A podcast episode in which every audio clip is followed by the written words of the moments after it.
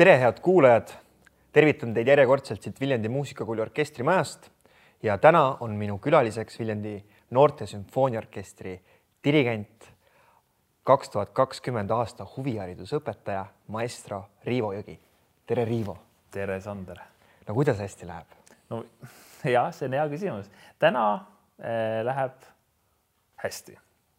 aga võib-olla siin mõni aeg tagasi oleks võinud paremini minna. arusaadav, kindlasti selleni jõuame, aga tahaksin äh, tegelikult teada saada hoopis seda, et äh, sa oled üsna noor mees, aga ma olen kuulnud, et äh, sa ei olnud kuueaastane, kui sa läksid muusikakooli.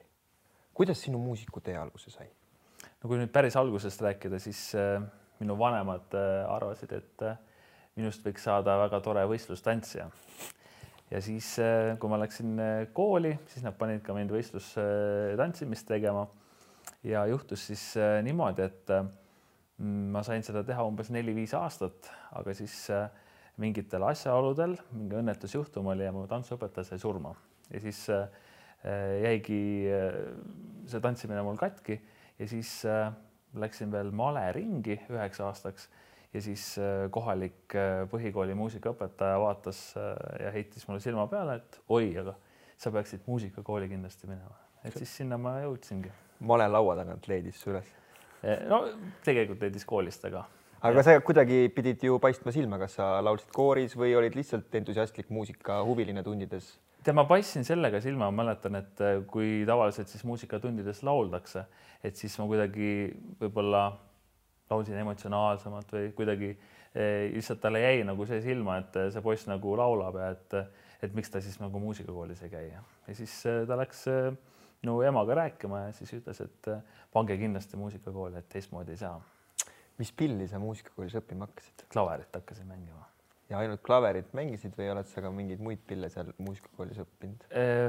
õppinud ei ole, ma olen omal käel hästi palju õppinud, et ma õppisin klarnetit mängima, õppisin akordionit mängima ja siis no kõik muud tegevused ka hiljem, et näiteks arranžeerimist, kompositsiooni, seda ma olen kõik ise õppinud. ja juba muusikakooli ajal hobi korras? ja ütleme, et kui ma olin seal kusagil keskkooliealine, siis ma juba tegin esimesi katsetusi kompositsioonis arranžeerimises. väga lahe, aga millal sa tegid selle otsuse, et kui sa praegu kuulen, et sa nagu olid suur huviline, mina tead, trompet mul oli, aga seda ma väga kodus ei harjutanud, sa õppisid rohkem juurde, eks ole.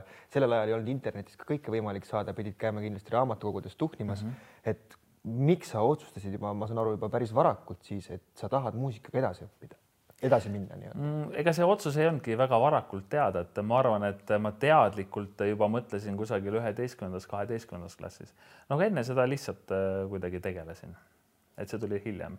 ütleme niimoodi, et aastatega on see muusikaarmastus järjest kasvanud. ja kasvab veel?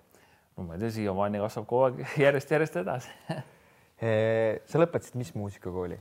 Põlva muusikakooli. ja siis sa läksid edasi kuhu? Siis ma läksingi Eesti Muusika- ja Teatriakadeemiasse õppima koorijuhtimist. no kuidas oli koorijuhtimine Eesti Muusika- ja Teatriakadeemias? väga tore oli, no ütlen ka, et miks ma koorijuhtimist läksin õppima, oligi see, et ega mul mingit muud varianti õppida ei olnudki, et vaata, kui ma alustasin klaverit liiga hilja, et siis lihtsalt ma ei olnud jõudnud sellisele tasemele klaveris, et minna näiteks klaverit õppima.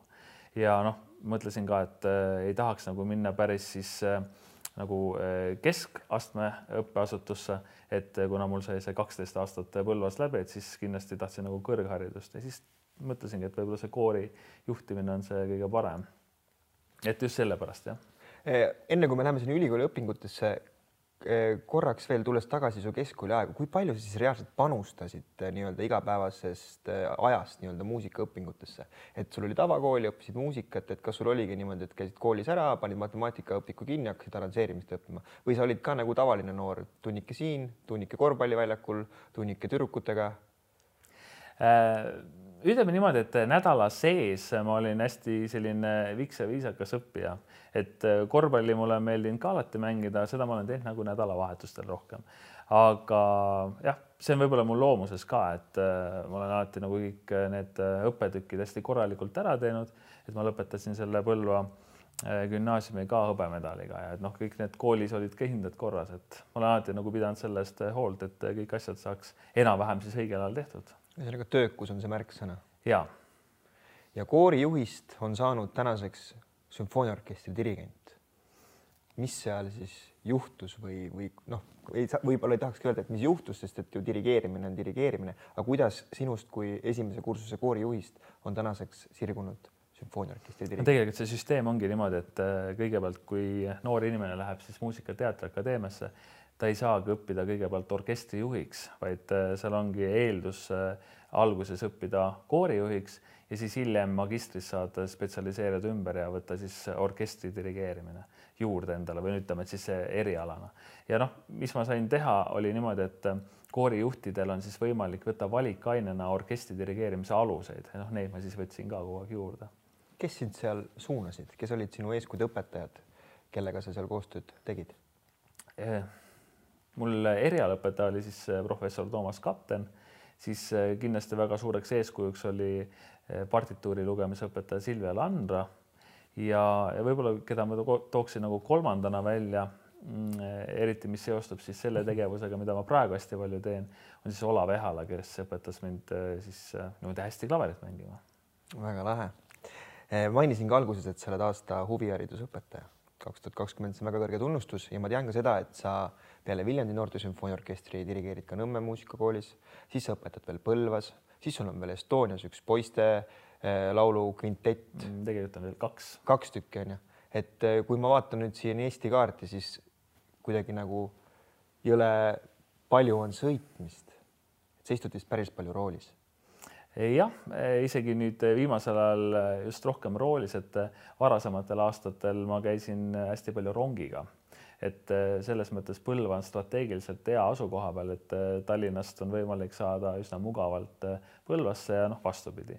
Aga kuna see kõik see pandeemia ja, see viiruse levik, et siis viimased äh, aasta, isegi natukene rohkem, ütleme poolteist aastat äh, ma olen kõiki sõite ainult autoga teinud, et noh, see on paratamatus, kui sa tahad sellises ilusas kohas elada nagu Põlva, aga noh, tuleb sõita. aga mis sind motiveerib sõitmaks ja minnagi Põlvast Tallinnasse õpetada, tulla Viljandisse? selle asemel, et olla ainult Põlvas, nautida seda ilusat linna arendada kohalikku haridust? Äh, kohalikku haridust tuleb ka arendada, aga selleks, et arendada kohalikku haridust, selleks on vaja oskusi. Ja selleks on vaja kogemust, et äh, ütleme niimoodi, et äh, kui käia hästi palju mujal, ütleme, et tulla siia Viljandisse, kui käia Tallinnas, et kõik see tohutult palju rikastab, et on erinevad inimesed, tihtilugu on erinevad arusaamad teatud asjadest, aga ka põhiline, mis nüüd eristab Põlvat näiteks siis Viljandist või ka Tallinnast, on see, et noh, Põlva lihtsalt paratamatult on üsna väike koht, et kui tahta sellist suuremat orkestrimuusika asja teha, et siis sellega nagu noh, ei saa päris nii suurel tasemel tegeleda, meil on küll väga hea ja tubli orkester Põlvas, kes on siis keelviljaorkester, mis on keelviljaorkester. Äh, aga siin Viljandis on ikkagi väga suur sümfooniaorkester ja Tallinnas on ka suur sümfooniaorkester, et see ongi see, et kuidagi, et ennast ka hoida värskena, et ise siis saada teha täpselt seda, mida nagu on kunagi õpitud. aga sul on kaks sümfooniaorkestrit ja ma tean, et Nõmme oli sul enne Viljandit mm. -hmm miks sa otsustasid ka Viljandi Noorte Sümfooniaorkestrit dirigeerima? Nõmmele kutsuti mind kaks tuhat neliteist mm, sügisel ja siis oligi nii, et Viljandi muusikakoolil tuli seitsmekümne aasta juubel, aasta oli siis kaks tuhat viisteist algus ja, ja siis oli ka noh, mulle helistas Toonja Tamra, ütles, et kas sul oleks võimalik tulla meie juurde ka, siis ma mõtlesin natukene aega ja siis ma ütlesin, et aga miks ka mitte ja noh, algul ma ei teadnud üldse, kuhu ma tulen, et see nagu pea ees tundmatuse kohta, aga mul on väga hea meel, et ma siia jõudsin, et mulle tõesti nagu väga meeldib siin. Eh, kas on ka, kui palju on neid orkestreid, kes sulle helistavad igapäevaselt ja küsivad, et ma, ma kujutan ette, et sellise oskusega mees nagu sina, tunnustatud kõrgelt ja väga hea dirigent, ma olen su käe all mänginud, et äh, kuidas nagu neid valikuid teha, et kas tuleb, on tulnud ka nagu paremaid pakkumisi, et sa peaksid nagu ära andma, et sa mainisid ka, et ennast nagu soojas hoida, et arendada, et tegelikult siis võiks ju Kaitseväe orkestrit minna dirigeerima, onju, siis varsti võiks ju tegelikult Estonias Versot dirigeerida, onju. et kas sa oled mõelnud, et see võiks olla su karjääri nagu redel või sa pigem nagu spetsialiseerudki nii-öelda noortele, et sa tahadki vaadata nagu ütleme, noorte haridust üle Eesti pigem ja see on väga hea küsimus, need on täitsa nagu erinevad asjad. nüüd tegelikult siis eelmise aasta seisuga ma otsapidi olen jõudnud ka politseiorkestri dirigendiks välja, ehk siis nemad on nii-öelda professionaalsed pillimängijad. et nüüd see on nagu väga erinev, et üks asi on teha noorteorkestrit ja teine asi on teha orkestrit, kus on siis kõik täisprofessionaalsed muusikud, et ütleme nii, et on omad plussid on ühel, on miinused ja siis vastupidi, on teisel plussid ja miinused, need on erinevad, neid ei saa võrrelda, aga üks asi on nagu päris selge, et jälle on hästi huvitav teha nagu erinevaid kollektiive ja erineval tasemel, noh, ütleme niimoodi, et kui noortega Eh, võtad mingisuguse teose, siis tihtilugu eh, tuleb seal eh, väga palju enne vaeva näha, et see nagu kõlama panna, et noh, tulebki nagu teha proovi ja harjutame ja nüüd harjutame veel ja võib-olla natukene veel.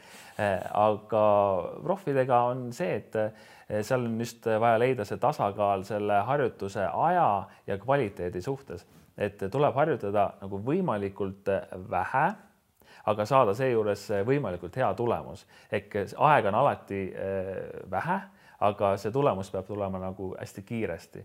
noortega on aega nagu rohkem, aga samas on see, et noorte oskused on ka sellised, et noh, meil lähebki natuke rohkem aega, aga teinekord näiteks kui on sellised mitte kõige raskemad lood, siis see tulemus ei pruugigi väga suur vahe olla nendel tulemustel. kuidas toimub noortele repertuaari valik, et ma kujutan ette, et see on väga raske, kuna ta peab olema natukene nagu motiveeriv et noor, täna võib-olla on väga raske mängida noorteorkestriga mõnda Beethoveni teost. et eh, kuidas sa vaatad sellele repertuaari valikule ja millist repertuaari sa soovitad ja sa valid orkestritele, noorteorkestritele, mida sa dirigeerid? ma isegi laiendaks seda nagu üldisemalt, et äh, mitte ainult äh, noorteorkestrite puhul, aga ka on see siis noorte erinevad koorikollektiivid, on need erinevad ansamblid, et ma ütleks, et see repertuaari valik, see ongi number üks et eh, noh, ja sealt hakkabki kõik nagu peale, et eh, kui nüüd tuua mõni näide, et mida ma nagu siis valin või kuidas ma seda teen, et eh, ma toon näite sellise hästi elulise, et näiteks vokaalansambliga oleme hästi palju osalenud siis Alo Mattiiseni vokaalansamblite konkursil. Ja, ja siis ma ükskord nagu statistiliselt huvi pärast eh, nagu lõin selle kokku ka, et eh, ütleme niimoodi, et ma lugesin ära, palju ma kuulasin laule läbi ja et missuguse valiku, et kolm tükki ma valisin sealt välja ja ma sain siis tulemuseks niimoodi, et ma kuulasin läbi nelisada laulu ja nendest ma valisin kolm.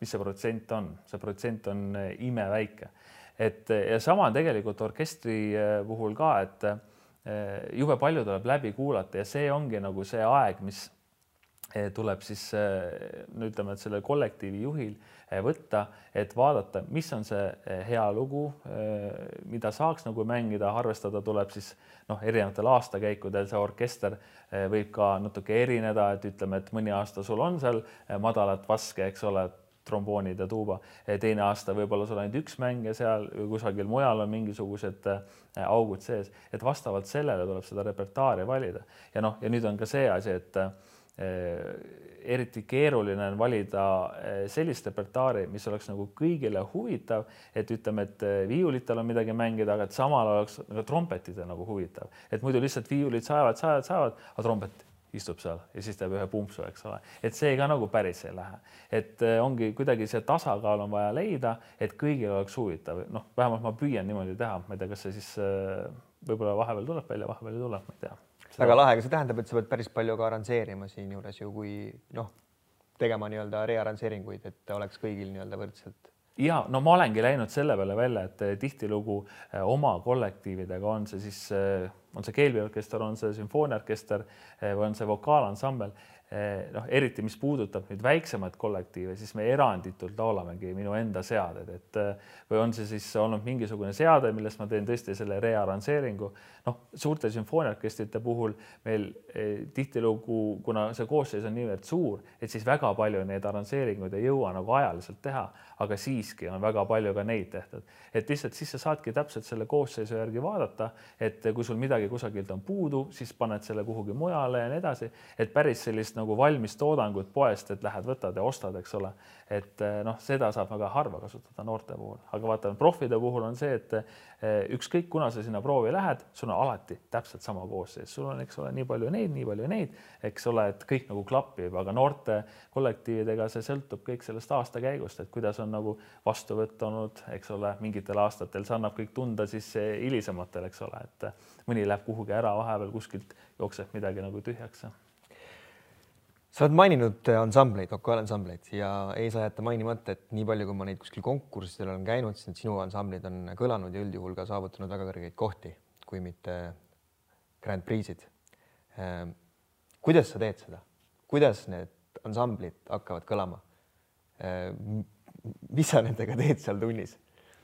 see ongi huvitav, et äh, ma ei teegi nagu midagi Nad ise kõlavad niimoodi, ei no tegelikult noh, päris nii ei saa öelda, aga kindlasti on mõningad asjad, mida, äh, mis on selline mm, kerge ametisaladus mm,, mida nagu võib-olla ei tahaks nagu rääkida, samas on seal väga palju nagu annab äh, juurde äh, seesama arranžeering, et ma väga palju lähtun konkreetselt sellest ansamblist, kes mul lauljad parasjagu on, ma olen püüdnud isegi jälle nagu katsetada, et näiteks mul on need tütarlaste vokaalansambleid olnud väga palju erinevaid aastakäike. Ja, ja tihtilugu niimoodi, et äh, ma teen ühele äh, sellise seade ära, muuseas olgu öeldud, et äh, minu lemmiknumber vokaalansamblis on viis.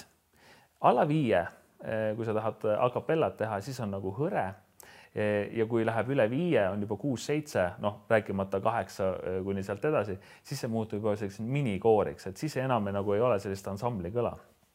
Aga muidu see mõte oli nagu siis selles, et äh, olen teinud mingisuguse seade valmis ja siis ütleme, et paari aasta pärast annan uuele ansamblile sellesama seade, aga see lihtsalt ei tööta, sest äh, näiteks äh, need hääled on niivõrd erinevad, sa pead oma nende lauljate hääli niivõrd hästi teadma, et mis millele nagu sobib, kus tal on need hästi mugavad noodid, kellel on mingisugused erilised oskused, näiteks siin meeskvintetis üks oskab joodeldada ja, ja nii edasi, et noh, kõiki neid oskusi tuleb kasutada. Või kusagil on mingid tohutud kõrged noodid, mida ta nagu paneb, noh, neid tuleb kõiki nagu kasutada, et tuleb teha täpselt see seade, mis sobib siis konkreetselt just sellele ansamblile. kuidas sa valid neid lauljaid oma ansamblisse, kas tuleb viis noormeest, viis naisterahvast Põlvast, ütlevad tere, Riivo, me siin oleme natuke laulnud, palun hakka meid seadma või on sul ka või on see ametisaladus või on sul konkreetne kuidagi nagu mingisugune, mingisugune, mingisugused eeldused, mida sa nagu ootad ja mida sa nõuad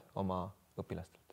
põhiline eeldus äh, jälle nüüd, kui üldistavalt äh, rääkida, on see, et äh, peab olema töökus seda ma hindan kõige rohkem ka enda puhul, et eh, just eh, ega ei aitagi nagu teinekord see, et ta võib olla ise väga hea laulja, aga vaata, kui ta ei viitsi seda partiid endale nagu selgeks teha, siis ei ole sellest heast laulust ka mitte midagi kasu, sest ta lihtsalt ei oska seda konkreetset partiid laulda. et eeldus on nagu see, et eh, no kõik minu need vokaalansambli mm, nii-öelda lauljad teavad ka, et nad peavad kodus selle partii selgeks tegema. Muidugi selleks on mul loodud ka igasugused erinevad äh, abivahendid, et olen mänginud kõik saated, kõigil on saated, kõigil on oma partii sisse mängitud, et eeldus on see, et nad ikkagi natuke ise ka tegelevad, et päris nii, et äh, tuleme kokku, hakkame nüüd natukene nii teeme rähni, eks ole, et no nii me ei jõua eriti kaugele või noh, nii me saame teha hästi lihtsakoelist muusikat, aga kui me tahamegi vähegi selliseid äh, huvitavaid akorde laulda, siis selleks on vaja omapoolset tööd ka, et ma hindangi töökust ja sellist panustamist. Enne kui me läheme sümfooniaorkestrite juurde tagasi, ma tahaks veel küsida seda, mida ma ei ole sulle ette öelnud, aga ma tean, et sinu üks õpilane on suurepärane arranžeerija ja väga noor. ja ma küsin, kas ka sina kuidagi, ma räägin Biancast praegu, kas ka sina kuidagi oled suunanud teda nii-öelda solfeetso teadmiste õpingutele või, või kuidas nagu, ma lihtsalt olen suhteliselt kindel, et tänu sinu mingisugustele näpunäidetele ta on saanud selle õige tee peale ja täna ta teeb juba ise. Äh, võib-olla sa korra meenutad, kuidas sul temaga seal Põlvas need tunnid toimusid? ma toon kaks asja välja, üks asi ongi see, et äh, ütleme niimoodi, et need inimesed, kes on nagu läbi käinud sellest minu ansambli noh, nii-öelda siis ansamblist, et need on näinud tegelikult seda tööd, kuidas see asi nagu käib ja nad on omandanud eh, isegi enda teadmata neid oskusi, et noh, nad näevad ära, et eh, ma tihtilugu ka oma lauljatele räägin, et eh, näiteks mingi seade ja tihtilugu ütlen ka, et vaadake, et siin see asi nüüd ei sobi, ma selle muudan ära, aga mille pärast ma seda muudan, eks ole, et ma nagu selgitan ka, et ei tee nagu sellist lihtsalt tuimalt, et muudan ära, nii, nüüd lähme edasi. et see on nagu üks asi, et ta on näinud pealt seda, et kuidas ma neid seadeid olen nagu teinud ja teine asi on see, et siis äh, omal ajal, siin nii palju aastaid tagasi juba, et äh, ma võtsin kokku needsamad ansambli tüdrukud ja ma kõikidele noh, nüüd ei tohi nagu öelda, ütleme, et ma õppe eesmärgil panin siis nendele peale noodiprogrammi, noh, selles mõttes see ei olnud nagu siis äh, nii-öelda legaalne, aga noh, õppe eesmärgil võib seda võib-olla teha, ma ei tea, äkki tegelikult ei tohi, aga et igal juhul on see, et ma panin nendele peale selle programmi ja siis andsin neile mõningaid noote, mida nad siis äh, trükkisid lihtsalt ümber ja siis äh, ma nii-öelda aitasin neid parandada, juhtisin tähelepanu, et vaadake, siin on see, see, proovisin seda kasutada, nii edasi. ühesõnaga ma õpetasin nendele noodiprogrammi. väga lahe ja ei, see selles mõttes küll, et nagu solfeits on suht suur hirm. Ja just ma mõtlengi, et sul on õpilased, kes täna nagu seal noh, nad tegelikult need algteadmised, mis neil on, mis nad on saanud laste muusikakoolist, nad kasutavad seda täna arranžeerides nagu, aga see ongi nagu sa ütlesid, et nad ei saa võib-olla sellest ise aru sel hetkel, et see ongi nagu loomulik õppeprotsessi osa. Ja tänu sellele, et sa oled toonud need noodid, lasknud läbi programmi uuesti sisestada, on nad saanud need teadmised ja noh, jah, selles mõttes, aga ma ütleks, et kõige suuremad ikkagi teadmised on tulnud läbi selle eh, reaalse ansambli töö mm, -hmm. kus nad on näinud, noh, üks asi on see, et kuidas panna mingisuguseid asju kõlama, et eh, noh, ja nüüd on, tulevad juba sellised eh, väga spetsiifilised asjad, aga noh, ütleme, et kui ma veel võtan selle väikse aja, et rääkida sellest ansambli nagu metoodikast, et ütleme, et me läheme oma selle Äh, ansambli lauluga nagu täiesti ajame juuksekarvaga lõhki, et äh, enam ei ole nagu, me ei räägi nagu õigetest ja valedest nootidest, see on nagu ütleme, see level üks, eks ole, aga seal on veel level noh, põhimõtteliselt kümme, et kuni sinnamaani välja, et kas me teeme vibraato, milline vibraato, kuna tuleb vibraato, eks ole, pikk noot, väike vibraato, kas vibraato läheb natukene edasi, kas vibraato on nagu morendos ehk siis laugev, kuni sinnamaani välja kõikidel häältel. Et see ei ole lihtsalt, et me paneme mingi äh, noh, kuidagi nagu kõlama, et äh, see tulebki nagu täiesti ära viimselt, noh, rääkimata sellest, millisel kaheksandikul, mitte, mitte nagu löögil, millisel kaheksandikul tuleb S sõna lõpud, eks ole, kes, kuidas seda sõna lõppu ütleb, kõik ei ütle. kui on S, ütled ära ütle nii kõvasti, pole vaja.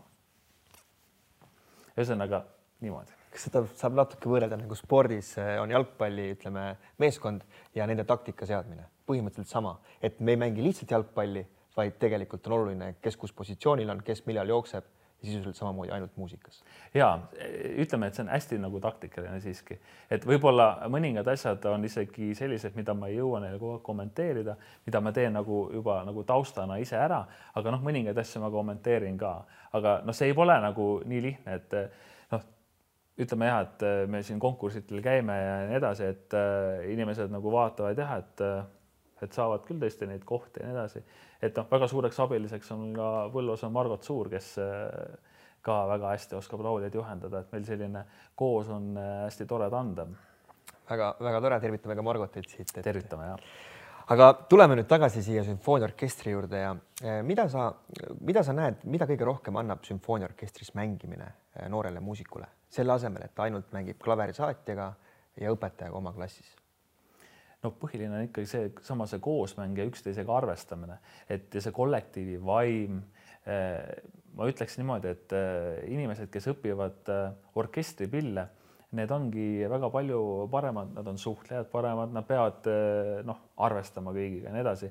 et eh, neil on palju huvitavam see mõnes mõttes see elu, kuigi vaata siin Viljandis eh, õnneks on ka niimoodi, et ka klaverimängijatel on võimalus orkestris käia, et ka nemad saavad siis osa sellest nagu kamba vaimust ja noh, ütleme, et nüüd sellesama koroona tingimustes ongi see võib-olla kõige raskem, et me saame küll kodus musitseerida, aga me ei saa teha täpselt seda, mille jaoks see orkester on mõeldud, et orkester muidu tõlkes, äh, ma ei tea, kas ta oli see kreeka või kus keeles see ongi, koosmäng.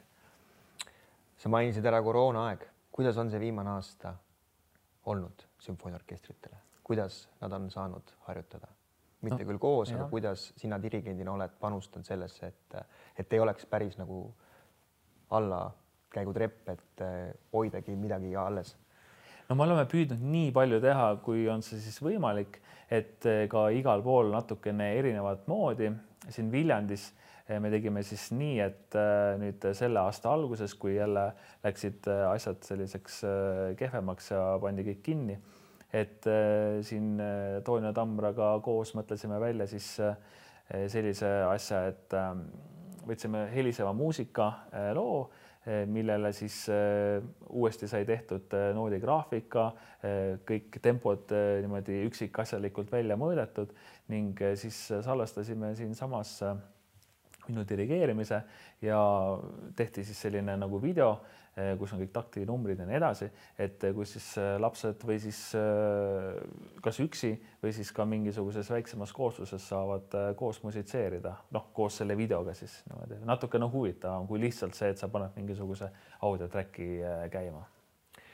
Kas on ka kuidagi nagu väiksemates koosseisudes olnud võimalik viimasel aastal musitseerida, et et on, on ka see võib-olla olnud üks lahendus või, või millal üldse viimati sümfooniaorkester täies koosseisus koos oli? Jah, täies koosseisus äh, sellel aastal ei olegi olnud, et äh, olime siis äh, eelmise aasta noh sügisel, et valmistusime jõulukontsertideks, aga noh, siis need jäid ära. me oleme tõesti nii palju, kui on siis täpselt see piirangud on lubanud, et kui on öeldud, et on kümme pluss üks, siis me oleme seda võimalust igati nagu kasutanud ka, aga noh, praegu ei ole seda, noh, sedagi võimalik kasutada, et siis lihtsalt äh, lapsed äh, kodus mängivad. aga kuidas sa täna motiveeriksid oma sümfooniaorkestris mängijat, kes kuulab seda saadet? Äh, noh, ma ütleks, motiveerikski niimoodi, et lihtsalt tuleb näha vaeva, tuleb mängida, et küll need paremad ajad tulevad jälle tagasi, et vaata muidu on lihtsalt see, et kui jätta see mängimine nagu unarusse, et kui ei tegele oma kalli sõbra ehk selle pilliga, et siis juhtub lihtsalt võib-olla see, et äh, mingi hetk, kui me saame pilli mängida, et võib-olla siis polegi enam neid oskusi, mis on selleks nagu tarvis, et tuleb selline nagu auk sisse. et juba see minu meelest see motiveeribki kõige rohkem, et äh, lihtsalt äh, sa ei laseks oma nendel omandatud oskustel nagu tuhmuda. sa mainisid kogukonnatunnet, mis on sellele sümfooniaorkestris mängimise üks oluline punkt. kas äh, sümfooniaorkester, sinu sümfooniaorkestrid mängivad ainult Eestis kontserte või on mingisugused muud nii-öelda motivatsioonireisid või ärakäigud või, või milline see sümfooniaorkestris mängimise nagu argipäev on kontsertide andmises ja, ja võib-olla natuke ka seda poolt tutvustada noh, kõikidel orkestritel peab olema mingisugune eh, suurem eh, selline väljund ka või mõte, et eh, noh, niimoodi ainult proovist proovi siin nii-öelda pehmelt öeldes sügada siis neid lugusid ja siis teha üks kohalik väike kontsert võib-olla ka mitte eriti olulise tähtsusega, et noh, sellisel tegevusel ei olegi nagu eriti mingisugust, noh, mõte on, aga see ei motiveeri lapsi. lapsi motiveerib ikkagi see, et kui me saame kuskil käia, me saame midagi sellist nagu ägedat ja suurt teha et äh, oleme siis äh, nii äh, Viljandi orkestriga kui ka Nõmme orkestriga käinud välisreisidel, et Viljandiga käisime ju Hispaanias ja see oli hästi tore reis. ja kindlasti lähme ka tulevikus. absoluutselt lähme. kui piirid lahti tehakse et.... ja meil oli tegelikult ju plaanis ka, et mm. pidime juba siin Saksamaale minema, minu arust isegi eelmine aasta. aga noh, see lihtsalt lükkus edasi, et no see on lihtsalt lükatud sinnamaani, et kui lubatakse, et eh, me ei oska praegu. igal juhul teeme ära. igal juhul. Ehm, võib-olla lõpetuseks, eh, eh, võib-olla enne lõpetamist, ma küsin, sul on ka omal lapsed. Ehm, kuidas sa nende huviharidust suunad ja kas suunad või oled otsustanud, et ka nemad peaksid õppima muusikat?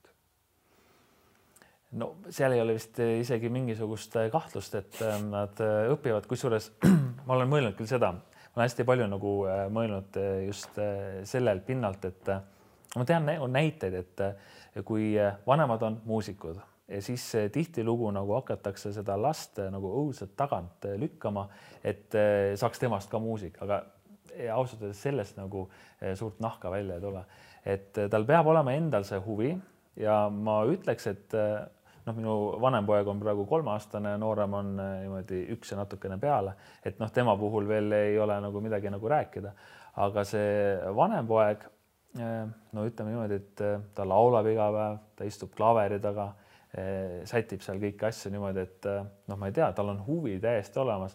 Ja noh, eriti huvitav on nagu see, et kui ta kuuleb ükskõik missugust häält, on see siis köögist või kuskilt tuleb, kohe laulab järgi, kohe paneb niimoodi järgi, matkib täiesti, et selles mõttes on hästi huvitav vaadata, mis temast saab, aga ma julgen lubada küll seda, et ma päris nagu tagant tõukama kõvasti ei hakka, sest äh, ma olen näinud lihtsalt nii palju neid juhuseid, kui äh, noh, algul nagu lükatakse, lükatakse, on imelaps, eks ole, aga siis sellel lapsel saab lihtsalt mingi hetk äh, nagu kõrini, ta ei noh, ja siis ta ei taha üldse muusikat õppima minna. ja ma toon lihtsalt nagu uuesti sellesama vestluse alguse, et eh, enda näitel, et mina hakkasin muusikaga tegelema alles üheteist-kaheteistaastasena. see, et ma nüüd teda kolme-nelja-viie-kuueaastaselt hakkan hiljalt nagu lükkama, sellel ei ole mingit mõtet ju, et saab isegi alustada siis, kui sa oled kümme pluss. kui näiteks eh, mõnel meie kuulajal on täna niisugune kuueaastane laps, kes mängib jalgpalli ja natuke laulab ka ja ongi nagu niisugune kahe vahel otsustamine, mida sa ütleksid sellele lapsevanemale, miks võiks just muusikat õppida, kas see annab ka, kui sa tunned, on ta andnud sulle nagu midagi nagu ka rohkemat mingit mingisugust nagu e-, endaks olemist või et eh, aidata nagu otsustada lapsevanemal või sellel üheksakümne aastasel noorel, kes täna mõtleb, et muusikakool võiks olla see, mida tahaks teha? no igal juhul tasub äh, muusikat olla õppima, sellepärast et äh, üks asi on see, et õppida seda niimoodi nagu huvitegevus, huvitegevuslikul eesmärgil. see annab niivõrd palju juurde seda, et sa oskad Äh, aru saada sellest, mida sa kuuled, äh, analüüsida seda muusikat, sa oled hea kontserdi külastaja, sa oskad hinnata muusikat. Äh, kuni sellemaani välja, et sa oskad normaalselt laulda sünnipäevalaulu no. aga teine asi, mis puudutab nüüd seda, et vaata see muusikast edasiõppimine, et see nüüd nii ja naa, et need inimesed, kes on mõelnud, et nad tahavad minna muusikat nii-öelda kõrgemal tasemel edasi õppima, et nad tahavad saada elukutseliseks muusikuks, peaks enne hästi hoolikalt järgi mõtlema, et kas ta jõuab harjutada iga päev neli-viis tundi. ütleme siis, kui ta juba õpib. kui ta seda ei jõua, siis ma ei näe mõtet. kui sa tahad saada nagu tõesti selliseks oskuslikuks muusikuks, kui sa tahad nagu läbi lüüa siis sisuliselt alla nelja tunni ei tule mitte midagi välja. sa pead olema valmis panustama oma aega, aga muidu huvihariduse mõttes äh, kahe käega poolt, et kõik võiksid minu meelest muusikakoolis käia.